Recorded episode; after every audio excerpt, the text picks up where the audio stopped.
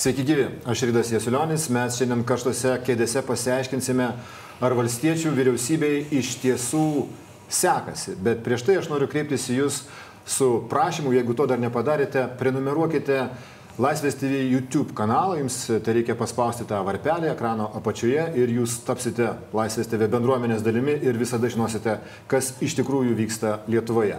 Taigi, prieš maždaug dviejus metus buvo suformuota vadinamoji profesionalų vyriausybė, ne, nepartinio Sauliaus Karnelio vadovaujama vyriausybė ir dabar jau štai antrą savo biudžetą, galima sakyti, ši vyriausybė formuoja šiuo metu.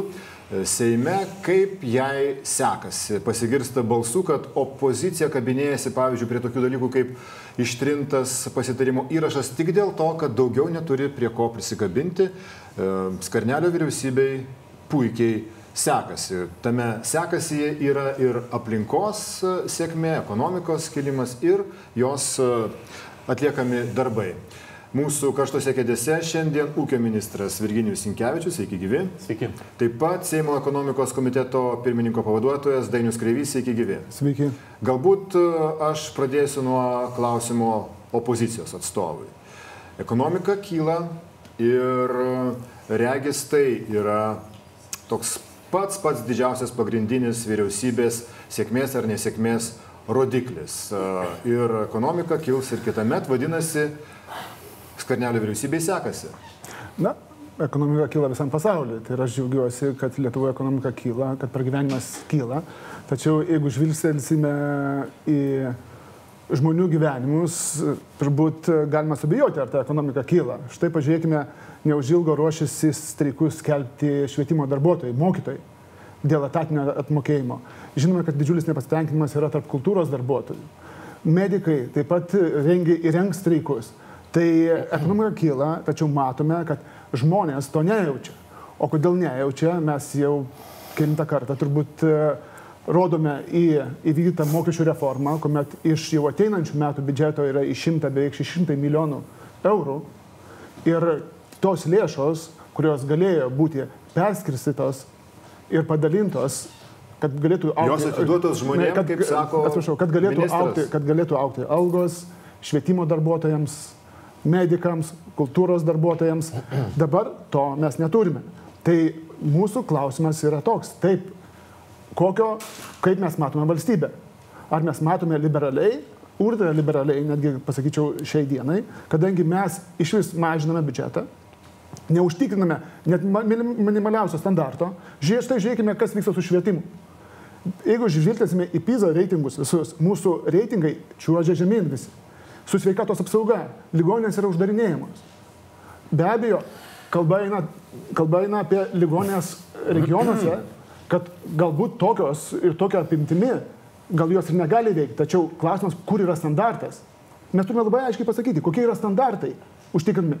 Slauga, būtinos, būtinos operacijos, tokių dalykų šiandieną nėra. Skvernelio vyriausybė nesiseka dėl to, kad medikai nepatenkinti, švietimo darbuotojai nepatenkinti. Aš, Tai ligoninės, čia gal jau aš įsijungsiu, nes aš ligoninės uždarymai. Štai pagrindiniai šiais metais rinkimai jis turi skubėti. Aš ne apie... Rinkimai į savivaldą. Tai... Aš apie tai noriu pasakyti, kad mes, mes kalbame, kad nesekasi, nesiseka. Mes kalbame apie tai, kaip atrodo mūsų žmonių gyvenimai.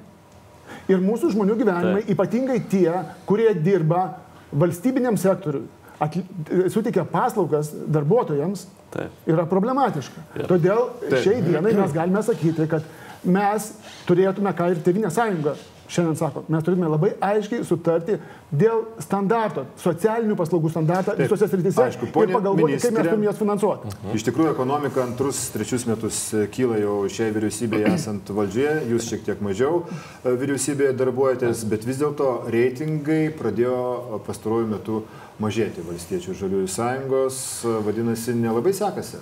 Viskas gerai. Tai pirmiausia, ekonomika iš tiesų auga, jį auga pasaulyje ir, ir, ir, ir čia turbūt uh, negalima sakyti, kad čia šios vyriausybės, vyriausybės nuopelnas. Bet pradėkime turbūt nuo tų uh, gyventojų ir jų uh, teisėtų lūkesčių, kurie buvo, na, kokį gerą dešimtmetį už, u, užmiršti. Atėjo viena vyriausybė, kuri atėjo krizinių laikotarpių, iš tiesų reikėjo priimti labai nelengvus sprendimus, tačiau tie sprendimai buvo priimti silpniausiųjų sąskaita - seniorų, tų pačių dirbančiųjų ligoninėse, mažiausias algas būtent uždirbančiųjų, biudžetininkų ir panašiai. Vėliau turėjome keturis metus, kai ekonomika lygiai taip pat augo, bet ar didėjo gydytojams algos, ar didėjo atlyginimai slaugiams, slaugių padėjėjams, ar didėjo atlyginimai valstybės tarnautojams? Ne. Tai, ir jūs... tai yra pirma vyriausybė, kuri pagaliau iš tiesų didina gyventojų pajamas. Ir tai daro su mokestinė reforma, kuri dar neįsigalėjo. Man labai patinka, kai yra... Kaip aš suprantu, atsiprašau, kaip aš suprantu opozicijos, tai aš ne, nes... opozicijos argumentus, kad tos gyventojų pajamos auga viešojo sektoriaus sąskaita. Pradėkim nuo to, kad, e, žiūrėkit, vyriausybė e, įgyvendino šešias reformas. E, įgyvendinti reformas nėra lengva. Etatinis mokytojų apmokėjimas, kuris čia yra labai kritikuojamas, nepatenkinta yra viena profsąjunga.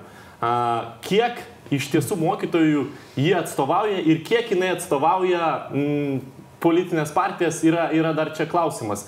Pagrindinis dalykas - nuvažiuokit galų galiai į mokyklas ir paklauskit tų mokytojų, kam atlyginimai padidėjo, kam jie sumažėjo, kaip mokytojai dabar jaučiasi ir panašiai. Nes labai daug yra, su kiekviena reforma yra labai daug neiškumo.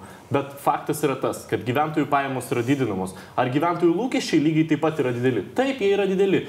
Ar premjeras didindamas um, pajamas, sakykime, medicinos darbuotojams neturėtų pamiršti kultūros darbuotojų? Neturėtų, bet biudžetas nėra guminis pagal galimybės lygiai taip pat dabar didinami atlyginimai ir kultūros darbuotojams. Čia prašome pagalbos ir iš savivaldybių. Turime savivaldybių, kurios boikotuoja tos siūlymus. Tai aš manau, kad a, vyriausybės pastangos yra labai nuseklios į gyventojų pajamų didinimą. Mokesčių reforma, kuri įsigalios sausio 1, aš suprantu ketinimus ją kritikuoti iki įsigaliojimo, nes, nu, neduok dievę, jinai suveiks, tuomet bus labai sudėtinga kritikuoti.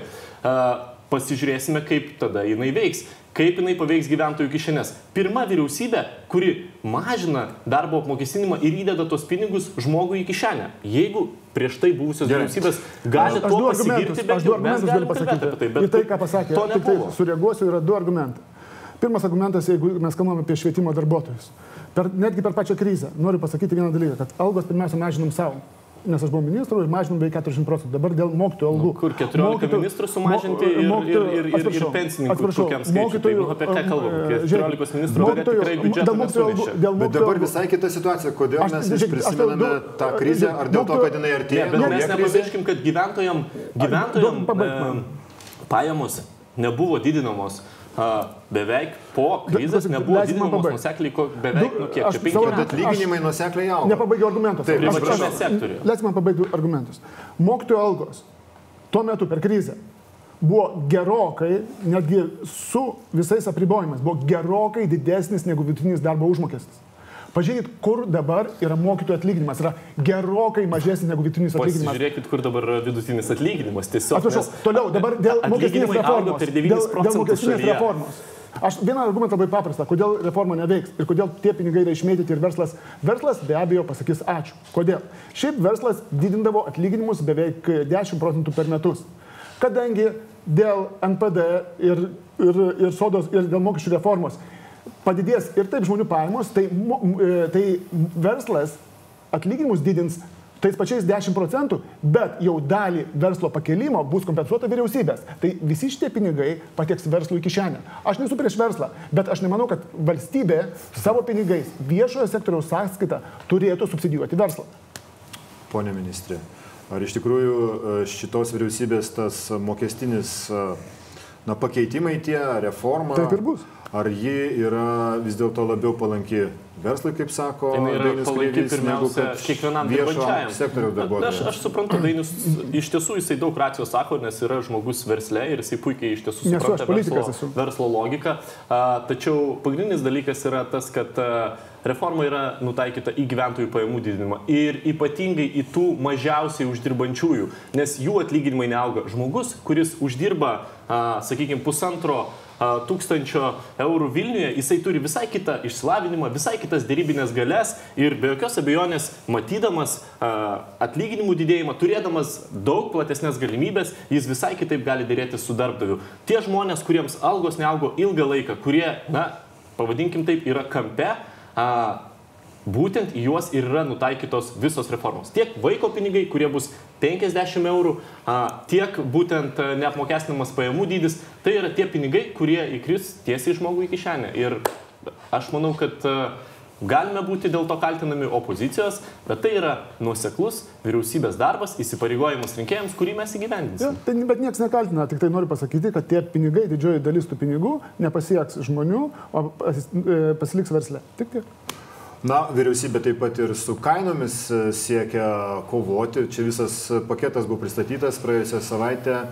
Pone ministrė, jūsų vadovaujama ministerija turės ten daug kokių nors priemonių atlikti. Šiaip opozicija irgi kaltina, kad tai yra populizmas, nes jau Jau biudžeto projekte numatytas, numatyta yra infliacija, vadinasi, kainos auks, o, o sakoma, kad imamasi kažkokių priemonių, kad jos neauktų. Priemonės pirmiausia yra užtikrinti maksimalią konkurenciją šalyje, užtikrinti, kad konkurencijos naudos gavėjas pirmiausia būtų žmogus. Ir aš manau, kad tos priemonės yra reikalingos. Taip, ūkio ministerija to plano didžiąją dalį paruošė būtent ūkio ministerija.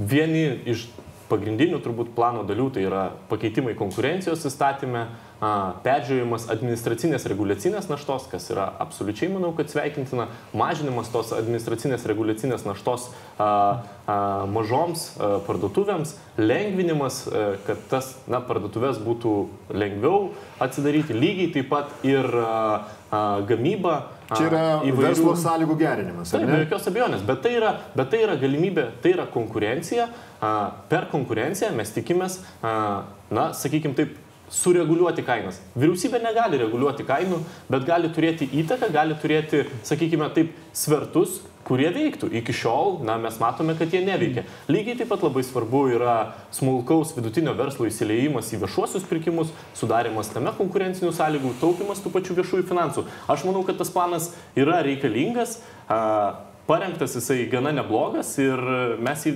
netrukus pristatysime vyriausybei. Bet nenorite jį vadinti verslo sąlygų gerinimo planu, norite jį vadinti kažkodėl kainų reguliavimo planu, Na, nors vyriausybė, ta pati vyriausybė biudžeto projekte numatė tai, kainų augimą nu, koks skirtumas, kaip mes jį dabar uh, pavadinsime, svarbiausia, kad jisai veiktų ir kad uh, jo naudą jūstų kiekvienas uh, šalies gyventojas. Tai yra svarbiausia. Verslo Ar... sąlygų gerinimas svarbu, aš.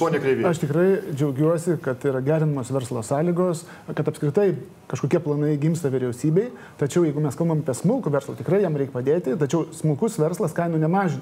Dažniausiai smulkus verslas užima nišinius, nišinės vietas ir dažniausiai kaip taisyklė, kainos yra šiek tiek aukštesnės smulkiam versle, bet jie yra arčiau žmogaus, prieinami ir panašiai. Jeigu norime kalbėti apie konkurencijos didinimą, tai pirmiausia, mano e, žvilgsnis krypsta į konkurencijos tarnybą. Konkurencijos tarnyba tikrai puikiai veikia, man nesuprantama, kodėl jinai nuolat šitos vyriausybės yra kaltinama. Žmogus vadovauja tikrai profesionalus, atėjęs iš, iš Britų, dirbęs Britų reguliuotojų. Tai aš ką daryčiau, tai aš tikrai žymiai didinčiau tiek atlyginimus, tiek žmonių kompetenciją. Šiai dienai mes turime problemą, kad iš konkurencijos tarnybos žmonės bėga, nes jie turi aukštas kompetencijas ir juos perka ne tik tai, kad lietuviškos kompanijos, bet net tarptautiniai reguliuotojai, kitų šalių reguliuotojai mūsų žmonės pasima iš mūsų konkurencijos tarnybos. Tai mes turėtume didelį dėmesį e, skirti konkurencijos tarnybos stiprinimui ir rinkos, rinkos priežiūrai. Nes tik tai per rinkos priežiūrą, aš galvoju, tuos dalykus galima reguliuoti. Nes, nes pakviesti, prikviesti tinklų, kaip e, žadėjo premjeras ir e, girdėjome kokią reakciją iš tų tinklų, kad tai yra, nu, truputėlį utopija. Gerai, ir, bet štai. Bet aš nebenoriu, kad mes gilintumės labai. Stiprinimas, aš tik gal norėčiau sureaguoti, nes iš tiesų konkurencijos tarybos vadovui, bent jau aš ir kiek esu girdėjęs ministro pirmininkų viešų pareiškimų, jam didelių priekaištų tikrai buvo. nėra. Tikrai premjeras A, O buvo konkurencijos pareiškęs. tarybos stiprinimas yra numatytas, a, jų galių išplėtimas, a, galų gale a, suderinamumas su vartotojų teisų apsaugos tarnyba, nes dabar yra funkcijų, kurios dubliuojasi, tai yra na, būtent užimti etatai, kur galbūt atsirastų galimybė šiek tiek didinti algas ir, ir, ir darbuotojams konkurencijos taryboje. Tai yra viena iš plano dalių ir be jokios abejonės niekas net nesiginčia vyriausybėje, kad konkurencija yra pirmiausiai tas efektyviausias būdas užtikrinti mažiausią kainą vartotojui, bet jinai turi būti veikianti ir naudos gavėjas turi būti Ministrė, bet vartotojas. štai e, biudžetą svarstėm e, šią savaitę ir e, atidžiai aš perskaitęs visą biudžetą ir eilutės, kurios didėja ir mažėja, konkurencijos tarnyba, tarnyba tarp tų, kurios papuola kad gaus geresnį finansavimą, nėra. Tai čia galvoju, tarybos didžiausia galvoju, problema yra yra tai, truputėlį yra valstybės tarnybos įstatymo dalis. Tai yra turbūt, reikia pradėti nuo to, kad jeigu mes norime ten didesnių algų, jie turi būti kaip Lietuvos bankas atskirti nuo valstybės Aš tarnybos. kalbu- Tik tada mes galime tik apie kalbėti algas. apie algų didinimą. Kitaip jūs puikiai žinote, kad yra apie patal- viskas apie viską reguliuojama kalbu. Apie- įstatymais, netgi vadovo alga labai keistų įstatymų yra reguliuojama. Valstybės tarnybos įstatymų. Bet Tai- lygiai pagal tą patį. tokį įstatymą? Atsiprašau, nereikia net įstatymą keisti.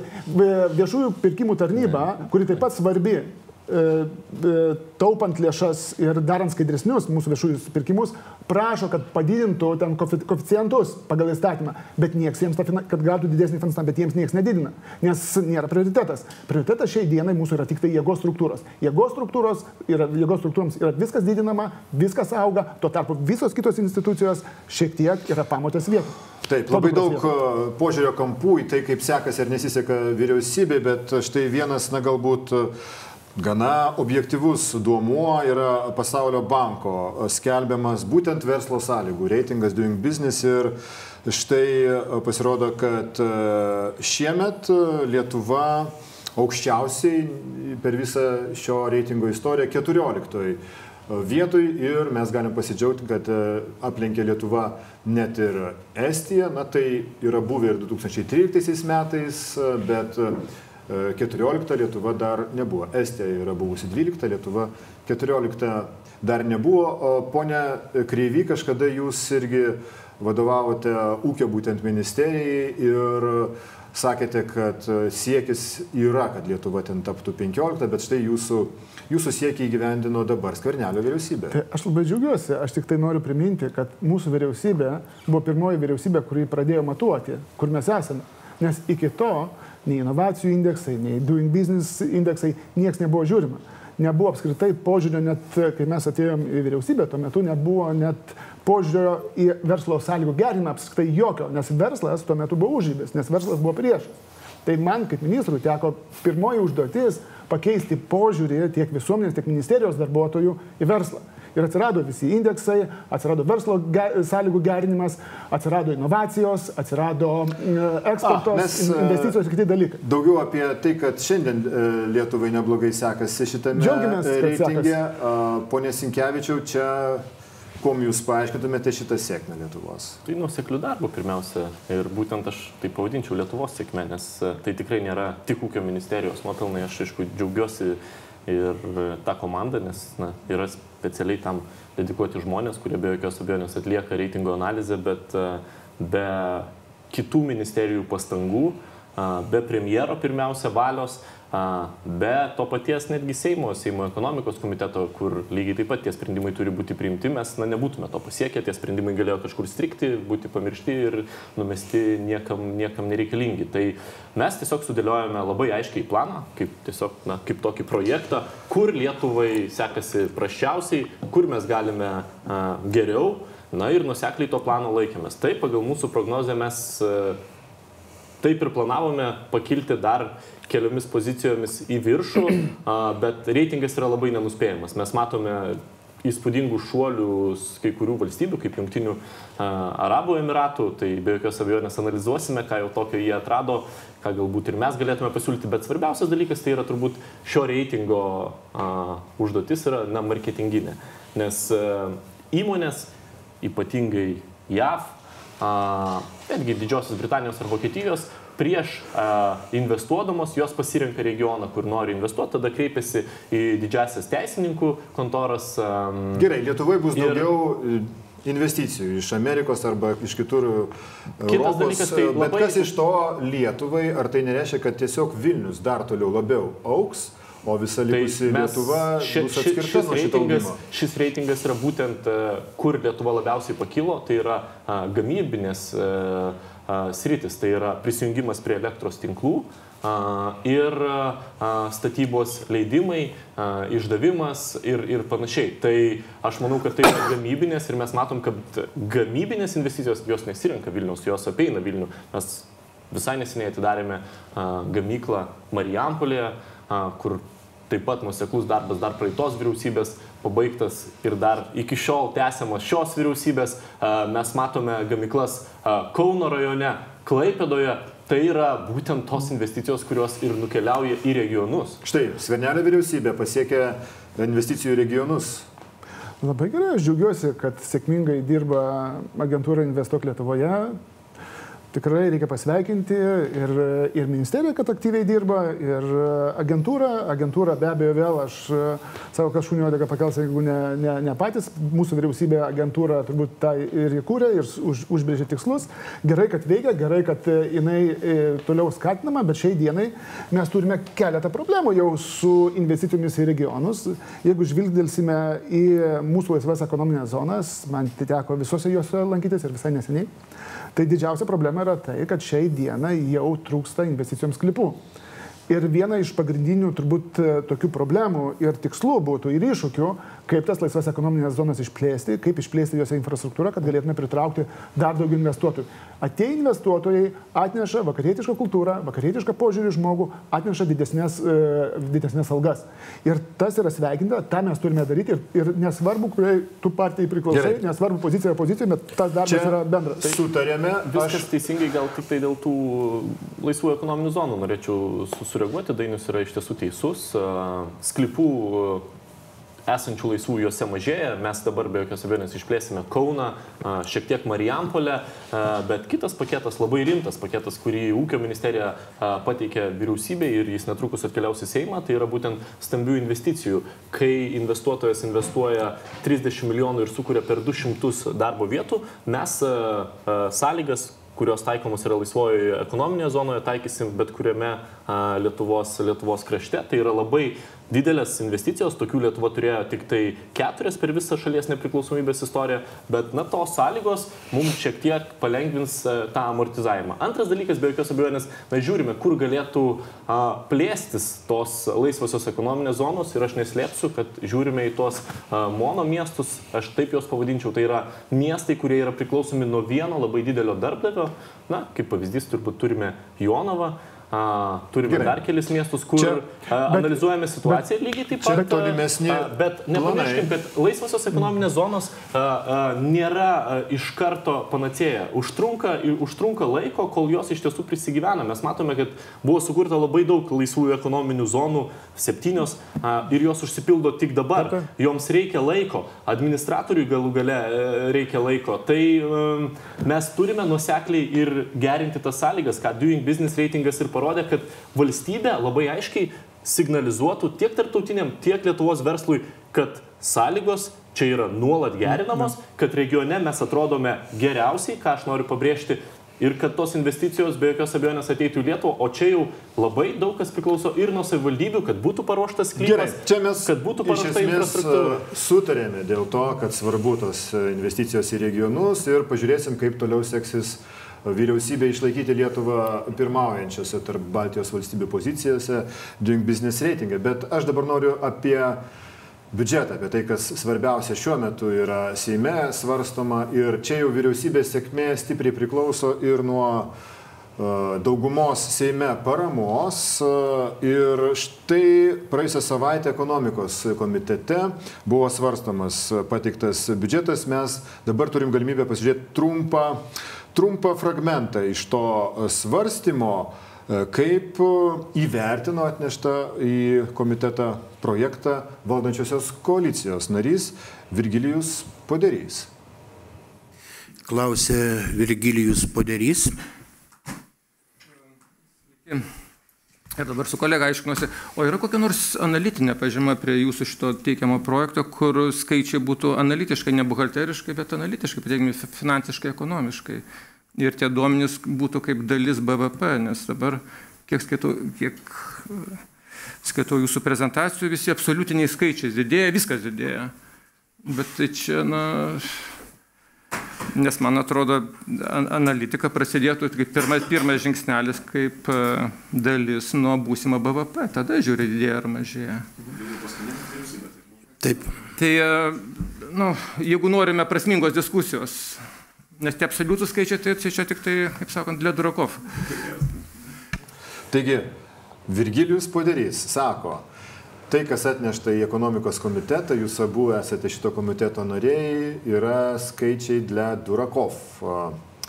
Kodėl šitaip vertinamas Finansų ministerijos parengtas biudžetas, jūsų kolegos iš frakcijos, ponė Sinkevičius. Tai čia turėtų būti padarys ir jis tą turėtų paaiškinti. O jums ką, ką kitaip atrodo? Aš manau, kad be jokios abejonės biudžetas galėtų būti pateikiamas su daugiau skaičių, su analize. Galų gale mes matome labai neramę situaciją kuri galimai lėtins šalies ekonomiką, kaip tai atsilieps biudžetui ir panašiai, bet aš manau, tam reikėtų tiesiog suplanuoti komiteto posėdį, padaryti atskirus klausimus. Seimo nariai galėtų galų gale m, pateikti iš anksto klausimus tai pačiai finansų ministerijai, jeigu jie turi kažkokių specifinių, į ką aš manau, kad finansų ministerija a, mielai atsakytų. Ūkio ministerijoje mes Dabar stipriname būtent tos makroanalizės padalinį, analitikų padalinį, kurie šiaip yra neegzistuojantis valstybės tarnyboje. Ir na, tokias analizės mes turėsime. Iš esmės, tai, ką pasakė ponas Padarys, reiškia, kad mes e, nežinom, kur mes einame, mes negalim pamatuoti savo nueito kelio, mes tiesiog e, operuojame kažkokiais absoliučiais skaičiais, ne va viskas gerin, gerin, gerin, gerin, o žmonės nelabai to jaučia, bet tai buvo ir anksčiau, ir jūsų vyriausybė. Aš noriu taip? atkreipti dėmesį į vieną dalyką, kad uh, Vyriausybė daug kalba apie strateginį planavimą, apie metodikas ir kitus dalykus. Tai, bet žvilgtelė į biudžetą, ką aš ir uždaviau irgi komiteto e, metų klausimą, kokie yra kiekvienos ministerijos strateginiai tikslai. Kaip tie strateginiai tikslai yra išversti į strateginius rodiklius, kaip strateginiai rodikliai yra paremti programomis ir paskui priemonėmis. Nusekliai. Kaip atrodo visas tas strateginis planavimas, kad aš turiu tikslą ir kaip ta, tie pinigai įtakoja to tikslo pasiekimui. Aš pasakysiu, kad į tuos klausimus negau jokio atsakymo. A, mes galime pasižiūrėti. O projektuose, o projektuose, projektuose turime chaosėlį, viskas yra supinta į krūvą, rodikliai yra nieko nesakantis, pajungsim 50 žmonių prie elektros. Tikrai noriu pasakyti, kad mano, žiūrint mano akimis, šitas biudžetas taip. garbė šitą vyriausybę nedaro. Pasižiūrėkime, mes taip pat turim dar vieną fragmentą iš svarstymo, biudžeto svarstymo ekonomikos komitete. Aš manau, kad tie rodikliai, kurie yra surašyti, tai jie būtent ir integruoja ir, ir, ir parodo mūsų, mūsų daromą pažangą. Tiek Doing Business reitingas, tiek, tiek inovacijų indeksas. Ministrai nieko neparodo. Ir ne, Aš manau, kad lūtės, labai aiškiai gerai, parodo. Gerai, mm. nu tai imkim gerai. Tai kokie yra strateginiai ministerijos tikslai? Bet... Tai aš įvardinau. Pir, pirmiausias, pagrindinis kitais metais yra be jokios abejonės inovacijų reforma. Ne, ne, čia ne tikslas, čia yra priemonė. Čia nieko bendro su tikslu neturi. Čia yra priemonė. Tai Tikslui pasiekti. Koks yra tikslas? Gerai, tai e, tikslas, aišku, yra Lietuvos ekonomikos plėtra ir konkurencingumo didinimas. Taip, ačiū ministrė. Pone Kryvy, jūs taip užsiemėt galvą po šito ministro atsakymo. Argi neteisingai atsakė ministras, kad tikslas yra ekonomikos plėtra ir konkurencingumo didinimas? Teisingai, konkurencingumo didinimas yra tikslas, bet jeigu žvilgtelsime į biudžetą, tai mes nepamatysime tokių tikslų, nepamatysime tam skirtų programų, nepamatysime rodiklių tam pateiktų strateginių ir nematysim priemonių e, tam pasiekti. Yra projektų, priemonių primėtyta keletas, aiškiname rašte nesuprasi, kas yra pat, paduota, rodiklis strateginis, berot doing business vienas yra įdėtas, dar inovacijų indeksas įdėtas. Penki, nu, prašau, penki, penki atsiprašau, rodikliai. Atsiprašau, viskas, viskas, ne penki viskas rodikliai. Jūs žvilgtelkite į savo aiškinimą raštą ir tai, pamatysit, tai kur grafikai sudėlioti. Penki, penki rodikliai. Pasižiūrėkite į ministerijos strateginius e, e, dokumentus. Viskas gerai, aš suprantu. A, iš, iš vienos pusės. Profesionalų vyriausybė, regis, iš, iš vienos pusės. Iš esmės, jo, keisti, aš tikrai šitą, ne, nekritikuoju dėl to, kad kritikuoju. Tvarka, kai ne, ne, tai pateikiami tai visuomeniai. Iš... Na, Ledurakov pateikiami tie absoliutus skaičiai, o tai, iš tikrųjų mes negalim suprasti, kur link judame ir tada labai, nežinome, labai, kaip labai aiškiai yra įvardinti prioritetai ir turbūt uh, iš vienos pusės tai taip, Dainius yra teisus. Uh, tikrai ūkio ministerija nėra tarptų prioritetinių ir na, mums biudžetas yra uh, sumažintas. Tačiau prioritetai yra kitur, tai yra socialinė apsauga, sveikatos apsauga ir švietimas. Ten biudžetai yra padidinti, ten yra didžiausi a, signavimai a, ir labai aiškios a, problemos ir priežastys, kurios sprendžiamos. Ir kur valstybė eina, tai vienas pagrindinių dalykų šiuo atveju yra be jokios abejonės tai tas neligybės mažinimas. Tai mes kalbam, pradėjom tą pokalbį nuo tų mažiausiai uždirbančių atlyginimų, nuo jų pajamų didinimo. Štai į ką yra orientuotas biudžetas. Kitą metą sumažės socialinė atskirtis Lietuvoje. Aš manau, kad taip, žiūrėsim, kaip tą parodys statistika. Nepamirškime, kad statistika socialinės atskirties jinai yra dviejų metų senumo, dažniausiai skaičiuoja na, dviejų metų senumo duomenys. Tai pasižiūrėsim. Bet čia labai geras pavyzdys, gerą klausimą uždavėt. Tai, tai yra strateginis rodiklis, su kuriuo vyriausybė turėjo išeiti ir pasakyti, kad kitais metais socialinė atskirtis sumažės tiek, nes mes išleidžiam tiek, tiek pinigų. Mes netgi klausime detaliau, sakom, pasakykite, kiek didės vidutinis mokytojų atlyginimas. Ir mums niekas negali pasakyti. Aš galiu labai ramiai pasakyti. Mūsų ministerijoje sudėti penki rodikliai ir labai aiškiai sudėti, kiek jie turėtų pakilti. Ir aš, Atleiskit, sakykime, taip, neradau to. nebijau. tų- Neradau to. Aš jums asmeniškai atsiųsiu kaip Gerai. e, pirmininko pavaduotojui. Aš labai gerbiu paties ūkio ministerijoje darbą ir e, visada išklausau tiek patarimus, tiek kritiką, tai be jokios abejonės atsiųsiu, galėsime dar padiskutuoti. E, Bet e, priminkit man paskutinę vyriausybę, kuri išeitų su rodikliais ir labai aiškiai pasakytų, štai mes uh, investuosime milijoną į tą ir tą ir kitais metais tas ir anas padidės tiek. Na, Baigim e, šitas kalbas. E, Yra, Bet regis, kad profesionalų vyriausybė atėjo, sakydama, dabar bus aiškus, kitaip. yra labai, labai aišku sudėlioti tikslai. Tai mes ir galim pasakyti, kad vaiko pinigai nuo kitų metų bus 50 eurų. Čia mes galim labai aiškiai uh, įvardinti. Uh, mes lygiai taip pat galime pasakyti, nuo kiek iki kiek didės seniorų pensijos, nuo kiek iki kiek didės mokytojų alga, nuo kiek iki kiek didės medikų atlyginimai. Procentai, aš, atsiprašau, ne, ne, nes mes negaunam, ne, absoliučiai skaičiai. Atsiprašau, opozicija, opozicija, ką, ką reiškia? Seime tokių dalykų nėra, tokių rodiklių niekas neduoda. Mes klausėm tiesiog. Tai jūs procentus e, savo taip, algą įsidedat? Taip, norėčiau žinoti, ar, ar, kiek man procentų. Jums pasako, jums yra pakeliama alga 50 eurų, ar jums pasakoma, rydai, 2 procentus tau pakelsim algos. Atsiprašau, tai žinoma, kad man bet, procentai. Ministrė, Taip. bet mes tų dalykų, va ir klausim, kaip opozicija, jūs pasakykit, mėlyjei, kiek auks, netgi absoliučiais dydžiais, net ne procentais, kiek auks mokytojo alga. Buvo vidutinė alga, kurią mes fiksuojame, yra tokia. Kokia bus vidutinė mokytojų alga?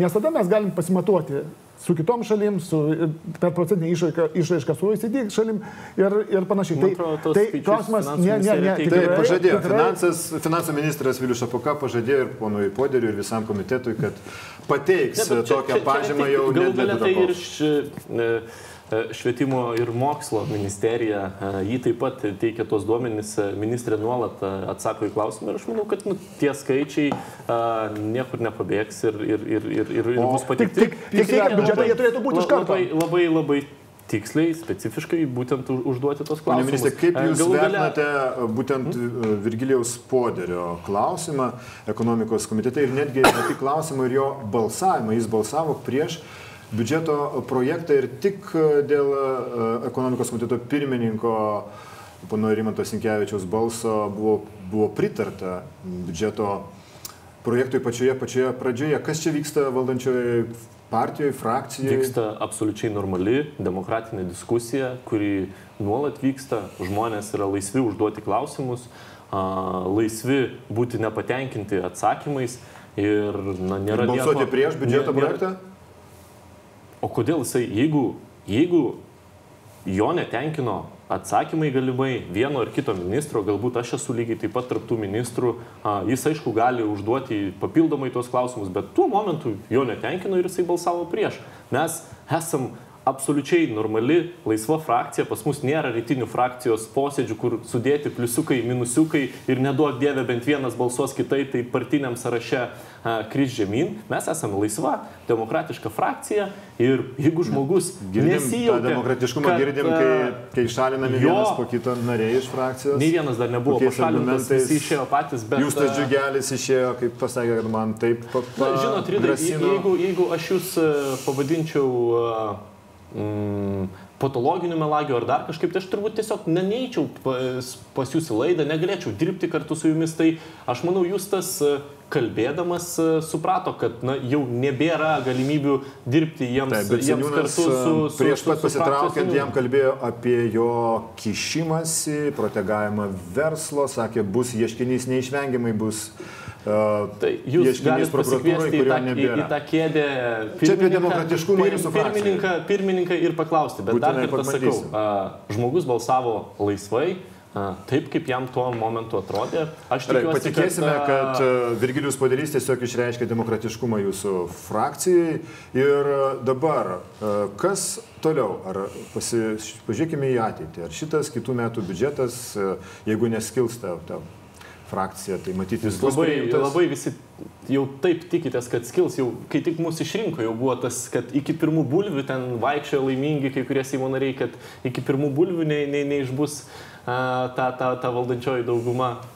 Taip, kol kas uh, Sprendimų, nu- priėmimas- nutrupėjo, sprendimų, sprendimų e, frakcija nutrupėjo, bet niekas ten uh, kol kas neskyla. Ir, 50, ir nutrupėjimą 50. papildė frakcijos, su kuriomis... e, šit- 57 šit- šit- Seimo nariai. Valstiečiai sakė, kurie, gyvenime nedarys koalicijos. Yra, yra, yra, yra nepartiniai, a, dauguma jų yra nepartiniai, žmonės patekė galų gale pirmą kartą į parlamentą. Yra ir tokių parlamentarų, Gerai. kurie ir buvo partiniai, nusivylę parlamento veiklą, nusivylę būdami opozicijoje ir padėjo Seimo nario mandatą. Tai dabar mes turime užsimti kažkokią raganų medžioklę ir, ir persekioti kiekvieną. Aš manau, kad a, didžioji dauguma brandolys frakcijos dirba absoliučiai a, normaliai, dirba kartu su vyriausybė. Žmonės yra laisvi išreikšti vieną ar kitą, mm, sakykime, nepasitenkinimą, balsuoti prieš. Taip, ekonomika čia trečiąjį, ketvirtį staptelio. Pirmą kartą po kiek čia devynerių ar kiek metų nebeaugo ketvirčiais matuojant, bet Ne, ekonomika augo, tiesiog į- neaugo a, palyginus su praeitų metų ketvirčiu. Tai Taip, palyginus su praeitų metų ketvirčiu neaugo ir e, Na, tai pirmas toksai atvejis po devyniarių metų augimo nu- nuoseklaus. Sakoma, kad čia tik tai gal kažkokia derliaus įtaka nedidelė ir tikėkime, kad uh, to, toliau auks. labai uh, daug faktorių turi tam A, įtakos. Kiek ten suplanuota 2,5 procento dabar kitą metą BVP Lietuvos, a, biudžetas bus a, priimtas, kas būtų Lietuvos sėkmė ir tada ir vyriausybės sėkmė kitą metą, ponė ministrė, ką jūs galėtumėt pas, norėtumėt pasiekti kitų metų biudžetu, kas būtų sėkmė. Na, pirmiausia, tai visų šešių reformų įgyvendinimas, e, sėkmingas jų įgyvendinimas, nes na, viena yra deklaruoti, galbūt teikti įstatymus, bet kita yra sėkmingas įgyvendinimas, kad tą naudą pajustų kiekvienas šalies gyventojas. Ir aš Bet kalbu tai labai apie mokesčių. Apie, tai pradėkim nuo to. Aš kalbu būtent apie mokestinę reformą, kad uh, kiekvienas gyventojas savo kišenę ne procentinė išraiška, ne kažkokiais palinkėjimais, bet labai konkrečių skaičiumi savo sąskaitoje pajustų tai.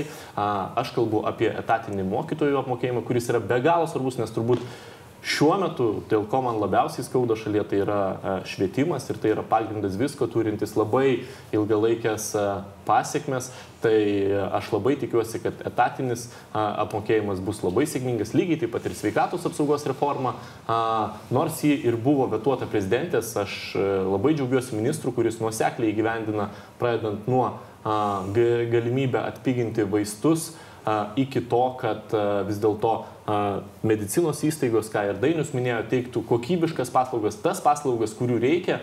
Tai yra labai, labai, labai svarbus O darbai, ministrė yra skaičių, pradėjo, kuriuos pradėjo norėtumėte pasiekti, šita nes visą tai, ką sakėte, yra a, taip labai subjektyvu. O Taip, mes galim, skaičių. mes galim kalbėti apie tą 2,5 procento BVP, bet jis turbūt e, mūsų gyventojams labai daug e, ne, nepasakys. Faktas, kad norime išlaikyti ekonomikos augimą, e, mūsų ministerijoje labai svarbu išlaikyti eksporto augimą, investicijų į šalį augimą, naujų sukurtų darbo vietų skaičiaus augimą. galų gale mums labai svarbi yra inovacijų reforma, kurią aš labai džiaugiuosi, be palaikymo Seime mes nebūtume jos prieėmę, toliau nusekliai įgyvendinti tas reformas, kurios Taip. Taip. pradėtos. Ir Pone Kryvy, jeigu toliau BVP auga 2,5 procentų, kaip e, suplanuota dabar finansų ministerijos, tai Lietuvos sėkmė ir skvernelio vyriausybės taip pat. Taip, sėkmė. tai yra Lietuvos sėkmė ir kad skaičiai auga tikrai reikia pasidžiaugti, tačiau vėlgi grįšiu prie to. Jeigu kitais metais mes neturėsime nepasitenkinusių medikų, nepasitenkinusių mokytojų, kultūros darbuotojų ir kitų valst- valstybėje dirbančių ir žmonės aptarnaujančių sektorioje žmonių, tada sakyčiau, tai yra sėkmė. Bet e, vėlgi grįšiu prie to, kad mes iš biudžeto per reformą esame išėmę kitais metais 600 milijonų eurų, kurie galėjo būti skirti atlyginimų didinimui šiems labiausiai dabar pažeidžiamiems e, darbuotojams. Mes to neturime. Todėl kalbėti apie sėkmę, kad ir auks 2,5 procento nuo mūsų ekonomika, aš nedrįščiau. Tai su visa pagarba aš dar kartą sakiau, Dainiau. Uh, dabar ištraukiam dvi grupės. Aš suprantu, kad labai madinga yra išskirti vieną kitą grupę ir pasakyti, kad jos yra svarbesnės nei kitos. Bet skurdas egzistuoja ir kitose socialinėse grupėse ir ta mokesčių reforma yra nutaikyta į kiekvieną šalies gyventoją. Jeigu mes norime spręsti skurdo klausimą, pirmiausia, mes visi turime aiškiai sutarti dėl socialinių paslaugų, kokias mes norime matyti kartu ir kokį, kokius mokesčius mes norime Gerai. mokėti ir kokio turi dydžio būti mūsų perskirstimas, koks turi būti dydžio biudžetas. Šiai dienai mes einame kitą kryptimį. Taip, čia mes nedidiname biudžetą, tema. mes mažiname biudžetą. Bet dabar dėl sėkmės, sutarkim, ponė ministrė, štai jūsų kolega iš komiteto sako, kad jeigu ir auks BVP, bet bus nepatenkinti ar gydytojai, ar mokytojai, ar kultūros darbuotojai, aktoriai, tai nebus sėkmė. O jums? Ne, be jokios abejonės, žmonės yra veiklus, jie turi teisėtus lūkesčius ir aš galiu pasakyti tai, kad ši vyriausybė, kaip tai daro du metus, taip ir toliau dės nuoseklės pastangas, kad kiekvieno iš jūsų išvardintų a, pajamos didėtų, kartu stengiamės žiūrėti ir į konkurenciją, į sąlygas, kad tų pajamų didėjimo nesurytų didžiųjų prekybos tinklų akcininkai, o žmonės pajustų tą naudą ir galėtų sauliaisti šiek tiek daugiau. Ačiū Jums už diskusiją. Tai buvo ūkio ministras Virginijus Inkevičius ir ekonomikos komiteto pirmininko pavaduotojas Dainius Kreivys. Ačiū Jums malonus žiūrovai už dėmesį. Aš dar kartą priminsiu, kad jeigu dar neprenumeruojate, užsiprenu- užsiprenumeruokite Laisvės TV YouTube kanalą. Tokiu būdu Jūs palaikysite nepriklausomą žurnalistiką.